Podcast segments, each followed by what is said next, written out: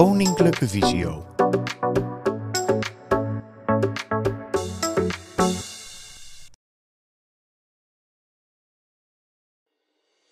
Gids- en geleidelijnen zijn overal. Dit filmpje is toegankelijk voor iedereen. Het is niet nodig om de beelden te zien om het verhaal te volgen. Ik ben Nanda. Als mobiliteitsinstructeur krijg ik geregeld de vraag hoe het nou zit met de geleidelijnen. Waarom liggen deze niet overal? Waarom loopt er soms een geleidelijn richting een gracht of een gebouw? Ik ben Wies, ik ben slechtziend en ik gebruik mijn stok als ik op pad ga. Ik merk dat veel mensen niet weten waarvoor geleidelijnen dienen.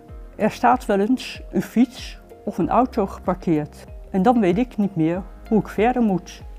Graag willen wij vertellen waarom er geleidelijnen zijn en hoe je deze kunt gebruiken. Hoe gebruik je een geleidelijn? Wies volgt met de tasstok en de voeten de ribbels. Bij een oversteekplaats, trap, liggen soms tegels met noppen. Ook deze voelt Wies. Wat is het verschil tussen een geleidelijn en een natuurlijke gidslijn? Er liggen niet overal geleidelijnen, maar dat is ook niet nodig. Je kunt ook een grasrand, een stoeprand of een gootje gebruiken om je weg te vinden.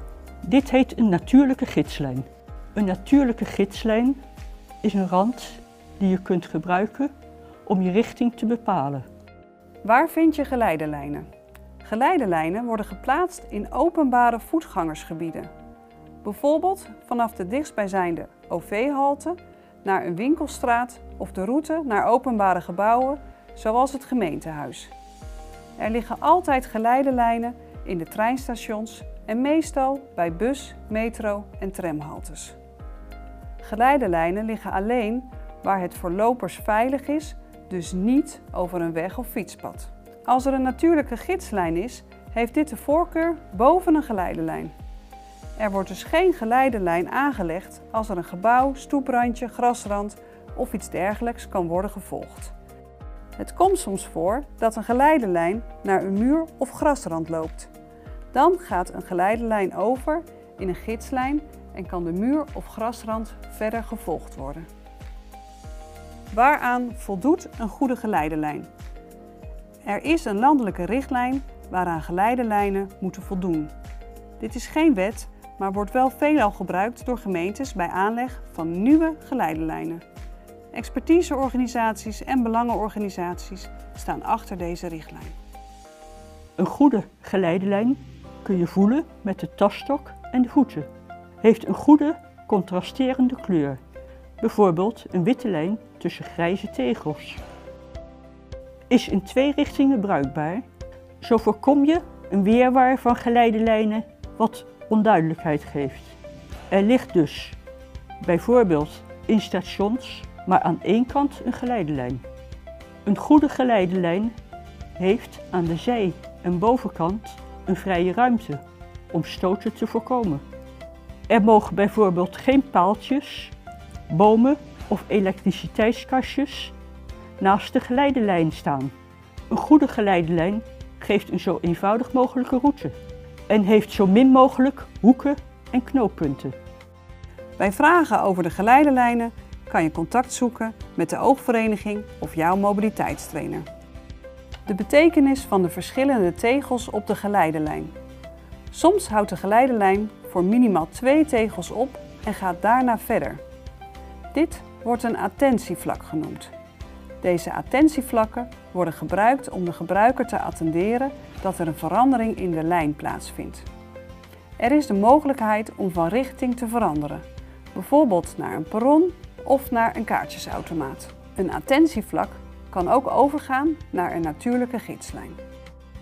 Je hebt ook tegels met noppen. Dit is waarschuwingsmarkering en vind je bij oversteekplaatsen en trappen. Bij een oversteekplaats liggen deze tegels bij de stoeprand. Zodra je hier overheen loopt, steek je over en kan er dus ander verkeer zijn. Opletten dus, de tegels met noppen liggen ook bij een trap, zodat je gewaarschuwd wordt dat hij een trap volgt. Simpel gezegd, noppen is stoppen. Op stations zijn de geleidelijnen geplaatst volgens de richtlijn. Via de NS-site kun je hier meer informatie over vinden. De OV-app geeft aan of er geleidelijnen aanwezig zijn bij bus, tramhaltes of treinstations. Geleidelijnen helpen mij om zelfstandig op pad te gaan. Daarom één verzoek. Houd de lijn vrij.